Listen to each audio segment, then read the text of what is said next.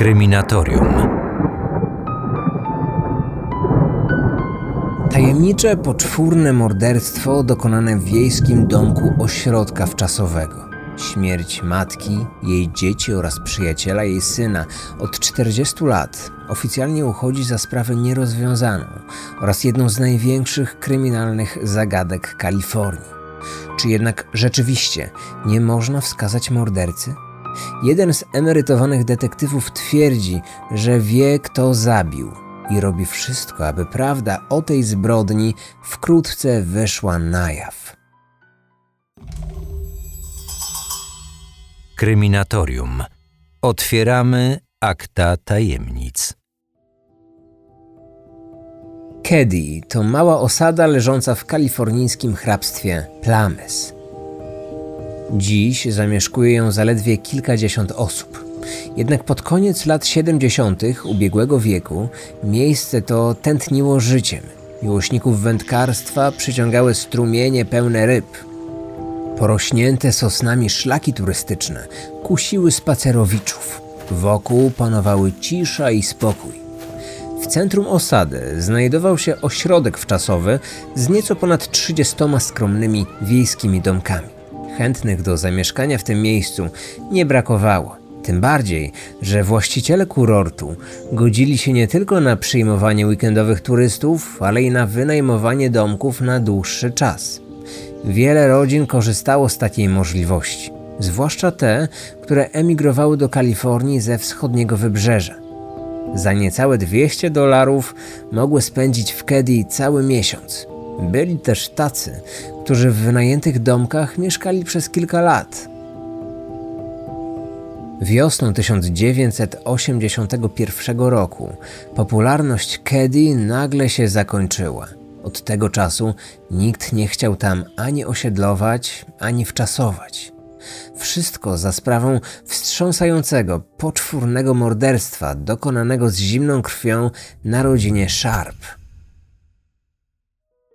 W nocy z 11 na 12 kwietnia ktoś brutalnie pozbawił życia matkę, jej dwoje nieletnich dzieci oraz kolegę jej syna. Morderców podobno było dwóch. Podobno, bo sprawcy nigdy nie zostali zidentyfikowani. Choć od tego czasu minęło ponad 40 lat, śledztwo nadal trwa i co jakiś czas pojawiają się nowe wskazówki. Odkrywane są nowe dowody w sprawie, a do opinii publicznej trafiają nazwiska kolejnych podejrzanych. Mimo to zagadkowa zbrodnia w Keddy nadal pozostaje nierozwiązana. Ale czy na pewno? Dwóch ludzi poświęciło kawał swojego życia, aby odkryć prawdę. Jednym z nich jest były zastępca szeryfa Mike Gemberg, który jako pierwszy prowadził śledztwo w tej sprawie. I szybko został od niego odsunięty, bo jak sam twierdzi, zadawał zbyt wiele niewygodnych pytań. Dopiero 30 lat później, gdy był już na emeryturze, powrócił do sprawy jako specjalny śledczy hrabstwa Plames i dokonał przełomowych odkryć. Drugim człowiekiem jest samozwańczy internetowy detektyw oraz anonimowy twórca strony poświęconej poczwórnemu morderstwu rodziny Sharp. Przedstawia się jako Dimak. W ciągu 11 lat udało mu się dotrzeć do ważnych świadków, których w latach 80. przeoczyli policyjni detektywi. Opiera się na badaniu starych gazet, internetowych archiwów i rozmowach z byłymi mieszkańcami Keddy, którzy jemu zdecydowali się powiedzieć znacznie więcej niż policji. Obaj mężczyźni są nieustępliwi w próbach dotarcia do prawdy. Kilka lat temu przypadkowo natknęli się na siebie w internecie i od tamtej pory ściśle ze sobą współpracują. Zaufali sobie nawzajem i dzielą się wszystkimi zdobytymi informacjami. I obaj twierdzą, że nie tylko wiedzą, kto zamordował rodzinę, ale znają też odpowiedzi na pytania, które od lat zadają sobie ludzie próbujący rozwikłać tę zagadkę. Kto zatem zamordował matkę i troje nastolatków? Czy byli to przypadkowi bandyci, sąsiedzi wyrównujący własne porachunki, a może grasujący w okolicy seryjny morderca? Dlaczego ówczesny szeryf hrabstwa sprawiał wrażenie, jakby hmm, nie zależało mu na schwytaniu sprawców? Kogo próbowali ukryć przybyli na miejscu zbrodni agenci amerykańskiego Departamentu Sprawiedliwości? I najważniejsze z pytań: czy wskazani przez dwóch detektywów mordercy kiedykolwiek odpowiedzą za swoją zbrodnię? Sue Sharp po swoim ślubie zamieszkała w Karolinie Północnej. Jednak w roku 1979 opuściła swojego agresywnego męża. Razem z pięciorgiem dzieci wyjechała do Kalifornii, gdzie mieszkał jej brat. Najpierw mieszkała u niego, ale bardzo marzyła o własnej niezależności. Później wynajęła niewielką przyczepę kempingową na północy stanu. Dla sześciorga osób takie warunki mieszkaniowe nie były zbyt komfortowe. Dlatego Sue ucieszyła się, gdy pojawiła się możliwość wyprowadzki do Kedy w górach Sierra Nevada i wynajęcia tam większego, dwupokojowego domku z piwnicą. Poprzednim lokatorem był ówczesny szeryf hrabstwa Plames, Doug Thomas. Po jego wyprowadzce w wiejskim domku o numerze 28 zamieszkała 36-letnia Sue Sharp oraz jej pięcioro dzieci: 15-letni John, 14-letnia Sheila, 12-letnia Tina, 10-letni Rick oraz 5-letni Greg. Dwaj najmłodsi chłopcy dzielili wspólny pokój. Drugi zajęła matka z dwiema córkami. Najstarszy z jej synów zamieszkał w piwnicy. Dostać się do niej można było tylko z zewnątrz, więc nastolatek, aby skorzystać z kuchni lub łazienki, musiał wchodzić do domu przez drzwi frontowe. Z tego powodu były one zawsze otwarte, nawet w nocy. Nigdy nie zamykali drzwi na klucz. Nikomu z domowników nie spędzało to jednak snu z powiek. Cała okolica uchodziła wówczas za bardzo spokojną i co najważniejsze, niezwykle bezpieczną. Jako szeryf hrabstwa to właśnie w tym kurorcie miałem najmniej pracy. Aby uzupełnić swój niewielki dochód, Sue podjęła pracę w lokalnym sklepiku dla turystów. Kobieta dostawała również bony żywnościowe oraz stypendium za uczestniczenie w stanowym kursie maszynopisania. Rodzina żyła skromnie, ale nie biednie. Radzili sobie jak mogli, chcieli przeżyć i co najważniejsze, w końcu byli niezależni. Sue szybko nawiązała przyjacielskie stosunki ze swoimi najbliższymi sąsiadami, zarówno z mieszkającymi pod numerem 27 Siboltami, jak i Smartami spod numeru 26. Zwłaszcza z tymi ostatnimi Sue miała najlepszy kontakt. Marlin Smart i jej mąż Martin uczestniczyli z nią w tym samym kursie. Również ich dzieci bardzo się ze sobą zaprzyjaźniły i często nocowały wspólnie w domach sąsiadów. Sobotni dzień 11 kwietnia 1981 roku nie różnił się niczym szczególnym od wielu poprzednich sobót. I jak to często bywa, nic nie zwiastowało nadchodzących tragicznych wydarzeń. Tuż przed południem Sue razem ze swoją najstarszą córką i najmłodszym synem pojechała do najbliższego miasteczka Quincy. Tam chciała odebrać Rika, który brał udział w testach do klubu baseballowego. Wracająca kobieta natknęła się na najstarszego syna, Johna i jego przyjaciela, Dana. Chłopcy próbowali złapać okazję, aby dotrzeć do Kedy. Sue podwiozła ich, ale kilka godzin później nastolatkowie wrócili do Quincy autostopem. Byli umówieni na imprezę, do której szykowali się od tygodnia. Wieczorem 14-letnia Sheila pojawiła się w domu Siboltamów. Planowała spędzić noc ze swoją koleżanką. Tina towarzyszyła siostrze, ale Sue nie zgodziła się, aby jej młodsza córka została tam do rana. Niezadowolona dwunastolatka do domu wróciła też przed godziną 22. Razem z nią, jej matką, w domu przebywali wówczas jej dwaj młodsi bracia oraz ich najbliższy kolega, Justin Smart, syn sąsiadów spod numeru 26. Wyjątkowo ciepła, kwietniowa noc zapowiadała się niezwykle spokojnie i jak zawsze bezpiecznie. Następnego ranka, kilka minut po godzinie siódmej, do domu wróciła Sheila. Gdy tylko przekroczyła próg, jej oczom ukazał się makabryczny widok. W salonie natknęła się na martwe ciało swojej matki. Obok niej leżeli John i jego przyjaciel. Oni również nie żyli. Wszyscy troje byli skrępowani taśmą klejącą. Ich ręce związano kablem. Przerażona czternastolatka z krzykiem popędziła do sąsiadów, u których spędziła noc. Pan Siebold natychmiast udał się z dziewczyną do jej domu. Nie miał on u siebie telefonu, więc pobiegł do pobliskiej leśniczówki, skąd zadzwonił do właścicielki ośrodka. Ta, pięć minut po ósmej, o wszystkim powiadomiła biuro szeryfa. Zanim pierwsi funkcjonariusze pojawili się na miejscu zbrodni, pan Siebold przez uchylone okno dostrzegł w jednym z pokoi trzech chłopców. Greg, Rick i jego kolega Justin wciąż spali, tak jakby nic się nie wydarzyło. Mężczyzna wszedł do środka, wyciągnął wszystkich na zewnątrz, a następnie wrócił. Wiedział, że w domu musi przebywać jeszcze jedno dziecko. Trzęsąc się ze strachu, zajrzał w każdy możliwy kąt. Nigdzie jednak nie znalazł dziewczynki. Dwunastoletnia Tina zniknęła bez śladu. Pierwszy zjawił się zastępca szeryfa, Hank Clement. Był młody i niedoświadczony. Nigdy wcześniej nie był obecny na miejscu zbrodni. Czuł, że zbiera mu się na wymioty, gdy po raz pierwszy spojrzał na martwe ciała ułożone obok siebie na zielonym dywanie. Z trudem powstrzymując drżenie rąk, pochylił się nad Sue. Kobieta leżała na boku, blisko sofy. Jako jedyna z ofiar była przykryta kocem, spod którego wystawała kompletnie naga, dolna połowa ciała. Jej usta były zakneblowane niebieską chustką oraz jej własną bielizną i zaklejone taśmą.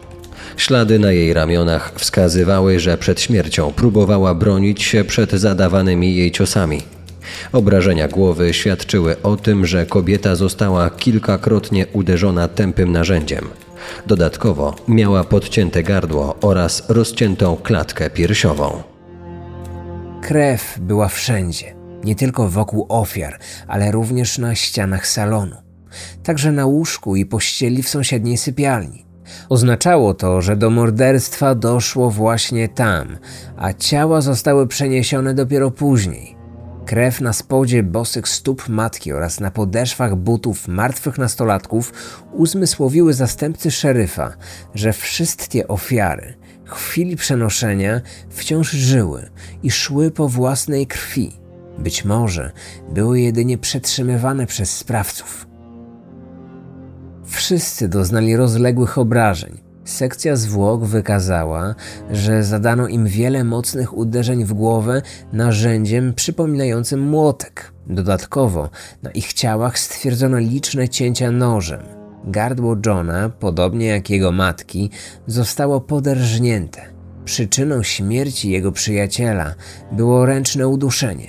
Matka i syn zmarli z powodu ran ciętych. Wyniki sekcji zwłok potwierdziło odnalezienie na miejscu zbrodni zakrwawionego młotka oraz dwóch noży kuchennych. Ostrze jednego z nich było wygięte pod kątem 30 stopni, co świadczyło o brutalności sprawców i ogromnej sile, z jaką zadawali swoje ciosy. Policjanci dokładnie przeszukali cały dom i podobnie jak sąsiad, oni również nigdzie nie znaleźli dwunastolatki. Brakowało też jej kurtki oraz butów. Nikt nie potrafił odpowiedzieć na pytanie, co stało się z dziewczynką i gdzie się wówczas znajdowała. Czy była ona świadkiem zbrodni? Czy uciekła, ubierając wcześniej kurtkę i buty? Czy wciąż żyła? A może ktoś się porwał? Zaginięcie Tiny stało się pierwszym badanym tropem w rozpoczętym śledztwie. Podejrzewano ojca dziewczynki, ale miał on mocne alibi na noc morderstw. W wywiadzie udzielonym kilka dni później dla lokalnej gazety, szeryf nie krył swojego sceptycyzmu. Nie wiemy, czy dziewczynka nadal żyje. Nasze poszukiwania nie wykazały żadnego śladu po niej. Nie jestem optymistą i nie wyobrażam sobie, aby po ucieczce z miejsca zbrodni ukrywała się ona tak długo – Myślę, że powinniśmy zacząć uważać dziewczynkę za czwartą ofiarę tej zbrodni. Póki co wciąż trwały zakrojone na szeroką skalę poszukiwania zaginionej dwunastolatki. Podejrzewano, że Tina mogła zostać uprowadzona do innego stanu.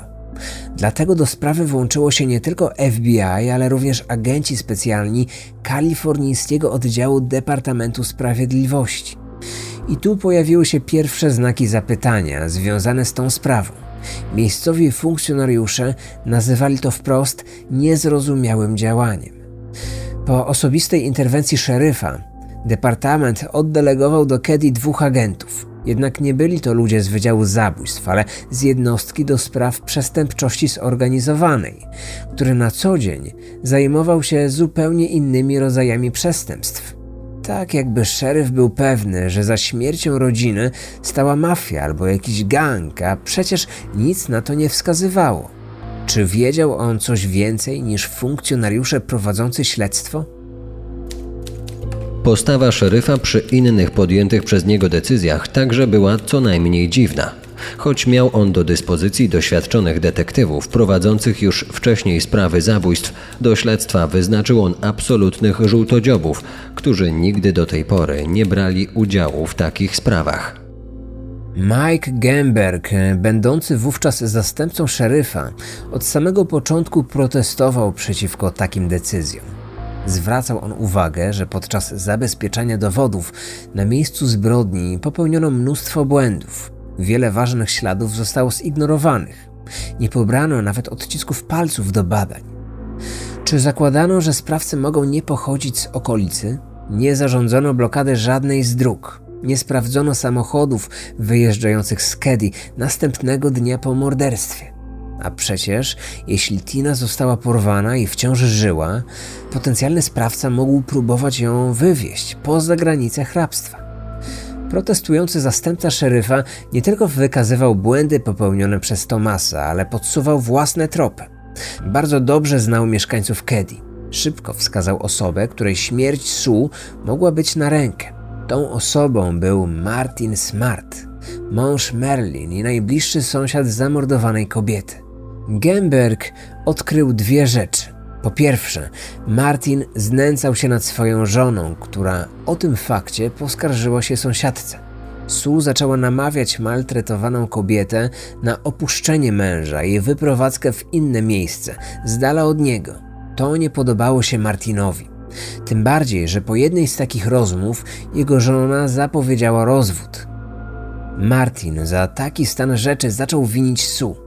Zastępca szeryfa dotarł nawet do świadków, którzy słyszeli, jak kilkakrotnie groził on Su zemstą za próbę rozbicia jego małżeństwa.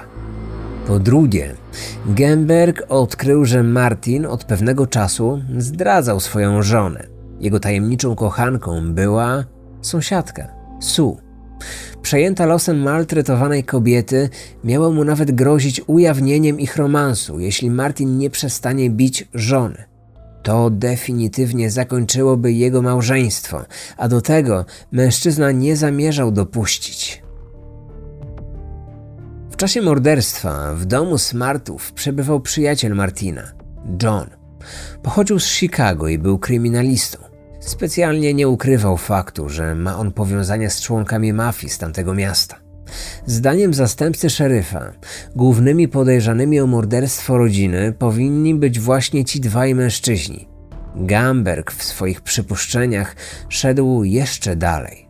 Jego zdaniem mogli im pomagać jacyś koledzy Johna, którzy byli członkami mafii z Chicago.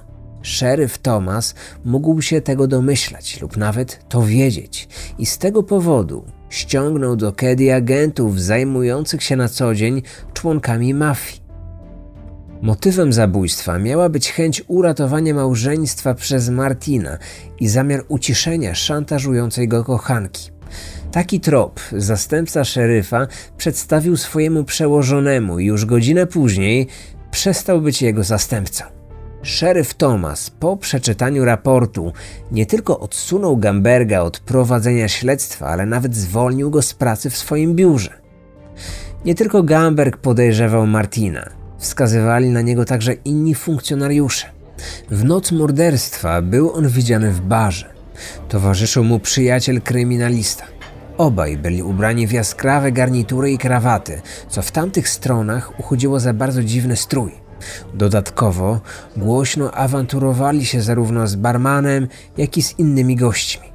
Czy chcieli w ten sposób rzucać się w oczy, aby wszyscy zapamiętali ich obecność w barze w nocy, kiedy zamordowano rodzinę? Martin Smart został poproszony o złożenie wyjaśnień. Początkowo mieli go przesłuchać agenci FBI, ale na wyraźną prośbę szeryfa zmieniono decyzję. Funkcjonariuszem odpowiedzialnym za przesłuchanie został szeryf we własnej osobie. Martin zaczął zeznania od stwierdzenia, że dzień przed morderstwami z jego domu został skradziony młotek ciesielski. Dokładnie taki, jakim zadano sześć ciosów ofiarom. Tego narzędzia zbrodni nie odnaleziono na miejscu przestępstwa. Zabezpieczono jedynie zwykły młotek oraz dwa noże. Nakazano badanie Martina wykrywaczem kłamstw. Wyniki testu nie były jednoznaczne, ale nie udało się wykazać ponad wszelką wątpliwość, że Martin kłamał, gdy zaprzeczał, że jest mordercą. Krótko po przesłuchaniu, Martin został zwolniony do domu. Miał czekać na kolejne wezwanie. FBI planowało wysłać do Kedy swojego eksperta od trudnych przesłuchań. Agent specjalny miał przybyć na miejsce w ciągu tygodnia. Dziwnym trafem, dokładnie w dzień jego przyjazdu, Martin dosłownie rozpłynął się w powietrzu. Zniknął podobnie jak jego przyjaciel, kryminalista. Podobno wyjechali z Kalifornii i wszelki ślad po nich zaginął. Czy ktoś mógł ostrzec podejrzanych przed planowanym przesłuchaniem przez FBI? Tylko jeden człowiek w hrabstwie wiedział o przybyciu agenta. Tym jedynym poinformowanym wcześniej człowiekiem był oczywiście szeryf Thomas. Tymczasem śledztwo trwało, ale przez kolejne trzy lata nie pojawiły się ani nowe dowody, ani wskazówki. Badano trop mówiący, że zbrodnia miała podłoże rytualne i została dokonana przez ludzi nazywających siebie samych czcicielami diabła. Szybko jednak odrzucono taki motyw. Podobnie jak wersję mówiącą o powiązaniach zamordowanej kobiety z handlarzami narkotyków. Ustalono jedynie, że w noc morderstwa nikt niczego nie widział ani nie słyszał. Nawet chłopcy, którzy przeżyli masakrę w domku numer 28, nie byli świadomi tego, że podczas ich snu ktoś brutalnie morduje domowników. Jednym z tych chłopców był Justin Smart, syn Martina. Kilka dni później opowiedział on policjantom o nocy, kiedy doszło do zbrodni, a właściwie o jego śnie. Chłopiec twierdził, że w tym śnie Sue oraz pozostałe ofiary były na jednej łodzi w towarzystwie dwóch nieznanych mu mężczyzn. Jeden z nich trzymał w ręku nóż, a drugi młotek. Nagle zaczęli walczyć z dwoma nastolatkami, a po chwili wyrzucili ich za burtę. Następnie mężczyzna z nożem rozciął kobiecie klatkę piersiową. W tym samym czasie człowiek z młotkiem uderzył kobietę w głowę. Na koniec jeden z napastników złapał Tinę i razem z nią wyskoczył z łodzi. Bardzo realistyczny sen i dość dobrze powiązany z prawdziwymi obrażeniami kobiety. Zauważył to również szeryf Thomas, który postanowił poddać chłopca hipnozie. Choć inni funkcjonariusze byli sceptyczni wobec tego pomysłu, szeryf stanowczo upierał się, że to dobry pomysł. Hipnoza często wydobywa z ludzi wiedzę, która nie pojawia się, gdy są świadomi. Czasami podczas takiego seansu ludzie przypominają sobie coś, o czym nie zdawali sobie wcześniej sprawy, że to widzieli lub słyszeli. Podczas przeprowadzonej hipnozy chłopiec opowiedział o Tinie Sharp, że w trakcie dokonywania morderstw dziewczynka obudziła się i wyszła do salonu, aby zobaczyć, co się dzieje. Miała ze sobą koc. Jeden z dwójki napastników złapał ją i wyniósł z domu przez kuchnię i tylne drzwi. Dopiero po kilku latach okazało się, że hipnozy tej nie przeprowadził lekarz specjalista, a sam szeryf Thomas. Mógł tego dokonać, ponieważ miał za sobą dwie sesje treningowe odbyte w szpitalu dziecięcym w Los Angeles. Otrzymany wówczas certyfikat upoważniał go do przeprowadzenia hipnozy bez udziału osób trzecich. Chłopiec w trakcie hipnozy zdołał opisać morderców jako dwie osoby pomiędzy 20 a 30 rokiem życia. Wyższy miał około 180 do 188 cm wzrostu i był blondynem. Niższy, pomiędzy 168 a 178 cm, miał czarne, mocno wyżelowane włosy. Obaj nosili okulary w złotych oprawkach. Od razu stworzono portrety pamięciowe sprawców. I tutaj także zainterweniował wszędobylski szeryf Thomas. Szkice dwóch podejrzanych mężczyzn na wyraźne polecenie szeryfa wykonał kompletny amator. Człowiek bez jakiegokolwiek przeszkolenia w zakresie sporządzania policyjnych portretów pamięciowych. Nigdy nie udało się wyjaśnić, dlaczego mając dostęp do ekspertów kryminalistycznych, do tej pracy wybrano zwykłego cywila, w dodatku ochotnika i wolontariusza, który nigdy wcześniej tego nie robił. Prawdopodobnie chłopiec rzeczywiście był świadkiem morderstw, ale szok, jakiego wtedy doznał, sprawił, że jego umysł wyparł te wydarzenia z pamięci, zamieniając je na wspomnienia zwykłego snu, a raczej koszmaru. Jeśli szeryf to wiedział, to czy mógł chcieć, aby sporządzone portrety były jak najmniej podobne do morderców? Tylko dlaczego wciąż sprawiał wrażenie, jakoby nie chciał schwytać prawdziwych zabójców? Na to pytanie gotową odpowiedź miał oczywiście odsunięty od sprawy były jego zastępca. Mike Gamberg twierdził, że szeryf Thomas tak naprawdę działał na polecenie kogoś postawionego znacznie wyżej. Być może miało to związek ze śledztwem prowadzonym przez Departament Sprawiedliwości w związku z powiązaniami Martina Smarta i jego przyjaciela z członkami mafii chicagowskiej.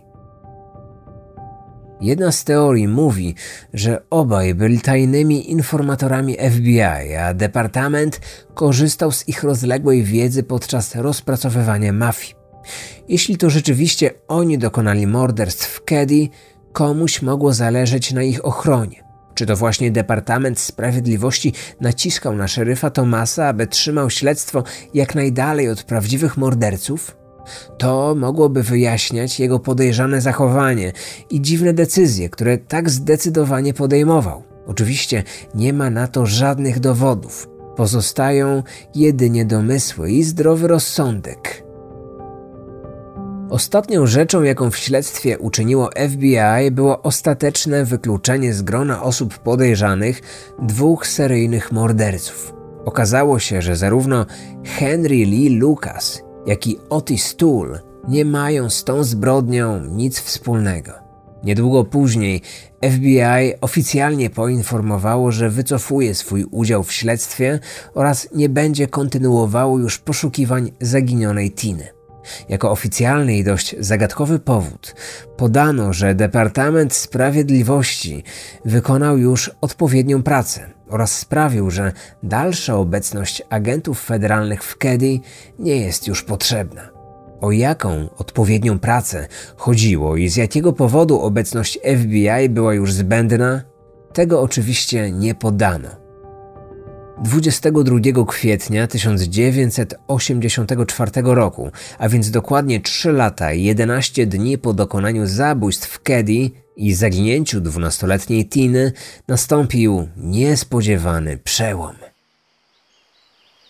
W hrabstwie odległym o 160 km od miejsca zbrodni pewien bezdomny włóczęga dokonał makabrycznego odkrycia – Zbierając porzucone w lesie butelki, natknął się on na część ludzkiej czaszki oraz żuchwę.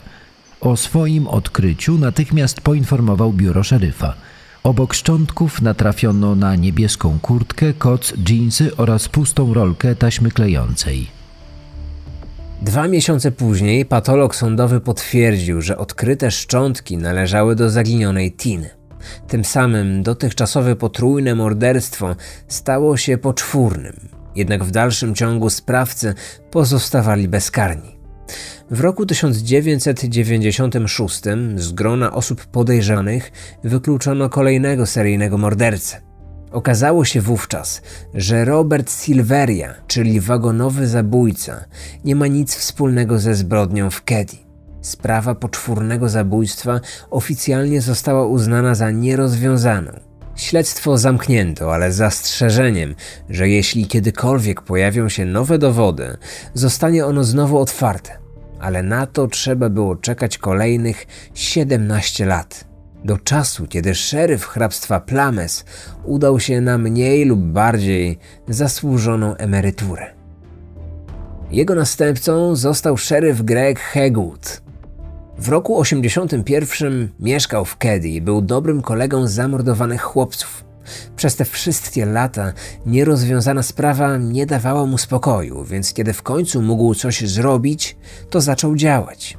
I był bardzo zdeterminowany, aby odkryć prawdziwą tożsamość zabójców. Do współpracy ściągnął byłego śledczego, który jego poprzednik bardzo szybko odsunął od śledztwa, a następnie zwolnił z pracy. Będący już na emeryturze Mike dorabiał sobie jako prywatny detektyw, a w wolnych chwilach wciąż badał starą sprawę z Keddy. W roku 2013 został ponownie zatrudniony w biurze szeryfa jako specjalny śledczy. Gamberg szybko nawiązał współpracę z detektywem amatorem i twórcą strony internetowej poświęconej tej zbrodni. Członek podpisujący się jako DIMAC od kilku lat niestrudzenie poświęcał swój czas na rozwiązanie zagadki. Ich wspólne wysiłki wkrótce zaczęły przynosić nieoczekiwane efekty. Obaj od samego początku byli przekonani, że sprawców było więcej niż dwóch, być może nawet sześciu. Nie ukrywali, że głównymi sprawcami byli Martin Smart i jego przyjaciel, Bo. I choć obaj już wtedy nie żyli, mieli oni motyw i możliwości, aby dokonać tych zabójstw. Nie było tylko dowodów ich winy. Zwrot akcji nastąpił trzy lata później. Najpierw Gamberg odnalazł zaginione narzędzie zbrodni. Młotek ciesielski, dokładnie taki, jaki został skradziony Martinowi, znajdował się na dnie stawu w pobliżu jego domu. Cały był pokryty rdzą, ale detektywi mieli nadzieję, że pod nią znajdą jeszcze DNA sprawcy, które będzie można zbadać i dopasować. Takiej możliwości nie było w roku 81. Następnie śledczy odkrył taśmę z nagranym zgłoszeniem anonimowego mężczyzny, który dzień po odnalezieniu czaszki tiny przez bezdomnego zadzwonił na policję. Człowiek o głosie podobnym do Martina informował, że szczątki mogą należeć do zaginionej dwunastolatki. Taśma z nagraniem nigdy nie została włączona do oficjalnych dowodów w sprawie, ale wciąż znajdowała się w zakurzonym pudle w magazynie biura szeryfa. Wkrótce pojawił się nowy szczegół. Odkryto list napisany przez Martina do żony zaraz po jego nagłym wyjeździe z Kedi. List kończył się dość tajemniczymi, ale dużo mówiącymi słowami. Zapłaciłem cenę Twojej miłości, a teraz, kiedy odkupiłem ją życiem czterech osób, Ty mówisz mi, że między nami koniec? Świetnie. Czego jeszcze ode mnie chcesz? Czy jego słowa były przyznaniem się do morderstw? Tak myśleli nie tylko Gamberg. W roku 81 podobne przypuszczenie miała żona Martina. To właśnie ona przekazała ten list ówczesnemu szeryfowi. Doug Thomas nigdy jednak nie włączył go do dowodów. Wkrótce list zaginął i odnalazł się dopiero w roku 2016. Śledczy dotarł także do ważnego świadka, którego nazwisko nigdy nie zostało upublicznione. Wiadomo tylko, że ten mężczyzna był psychiatrą w szpitalu dla weteranów w Reno. Jednym z jego pacjentów był właśnie Martin Smart, który podczas jednej z sesji miał się przyznać, że brał udział w morderstwach w Kedy. Powiedział swojemu psychiatrze, że zabił kobietę i jej córkę, ale ze śmiercią chłopców nie miał nic wspólnego. Zapytany przez lekarza o zaginioną dziewczynkę, Martin przyznał, że dwunastolatka wszystko widziała i nie mógł pozostawić przy życiu świadka. Psychiatra wyciągnął także od swojego pacjenta odpowiedź na pytanie, jak udało mu się przejść badanie wykrywaczem kłamstw, skoro był winny. Bez problemu pokonałem tę maszynę. Takie rzeczy są łatwe do przejścia, wystarczy tylko umieć nad sobą zapanować. Kłamałem, a oni mnie wypuścili. Mężczyzna był przekonany, że wszystko, co powie swojemu psychiatrze, pozostanie tajemnicą. a tym samym te informacje nigdy nie wyjdą na światło dzienne. Nie zdawał sobie jednak sprawy, że prawo stanowiło inaczej, jeśli w grę wchodziło przyznanie się do zabójstwa. Psychiatra natychmiast powiadomił o tym wyznaniu Departament Sprawiedliwości w Sacramento. Wkrótce w jego gabinecie pojawili się agenci federalni, którzy zabrali ze sobą taśmy z nagranymi sesjami Martina. Po pewnym czasie psychiatra dowiedział się, że jego pacjent wciąż nie został jeszcze aresztowany. Drugi raz zadzwonił do Departamentu Sprawiedliwości. Ci sami agenci ponownie odwiedzili jego gabinet. Tym razem nie byli już tak mili jak poprzednio. Surowym tonem oznajmili, że taśmy z sesji zaginęły, a bez dowodów zmuszeni są traktować słowa psychiatry jedynie jako niepotwierdzone pogłoski. Po tej wizycie psychiatra zaprzestał swoich interwencji w tej sprawie. Czy anonimowy psychiatra miał powody, aby okłamać Gamberga na temat przyznania się do winy jednego z morderców? Jeśli nie, to wydaje się, że sprawa, która od 40 lat uchodzi za nierozwiązaną, ma swoje zakończenie. Przynajmniej jeden z morderców jest znany. Dziś już nie żyje, więc nigdy nie odpowie za swój czyn. Podobnie jak jego przyjaciel kryminalista, który zdaniem śledczych również brał udział w morderstwach. Ale na tym nie koniec. Śledztwo wciąż trwa, a sprawa jest rozwojowa. Mike Gamberg ma znacznie więcej dowodów, ale nie o wszystkich chce mówić publicznie. I można przypuszczać, że już niedługo doczekamy się nowych informacji na temat zbrodni w Keddy. Tym bardziej, że zgodnie z tym, co mówi Gamberg, przynajmniej jeden z morderców wciąż żyje i jest na wolności. DNA odzyskane w roku 2018 z kawałka taśmy klejącej zabezpieczonej na miejscu zbrodni ma wskazywać na konkretną osobę. Jej nazwisko jest już dobrze znane policji. Podobno tylko kwestią czasu jest jego aresztowanie. Miejmy nadzieję, że po jego zatrzymaniu na jaw wyjdą nazwiska wszystkich pozostałych osób biorących udział w tej zbrodni i prawdziwy motyw zabójców, a tym samym sprawa, która od 40 lat oficjalnie jest uznawana za nierozwiązaną, zmieni swój status na wyjaśnioną. Odcinek powstał na podstawie książek Roberta Scotta i Michaela Newtona. Wykorzystano również artykuły opublikowane na portalu Plymouth News oraz w dzienniku Feather River Bulletin.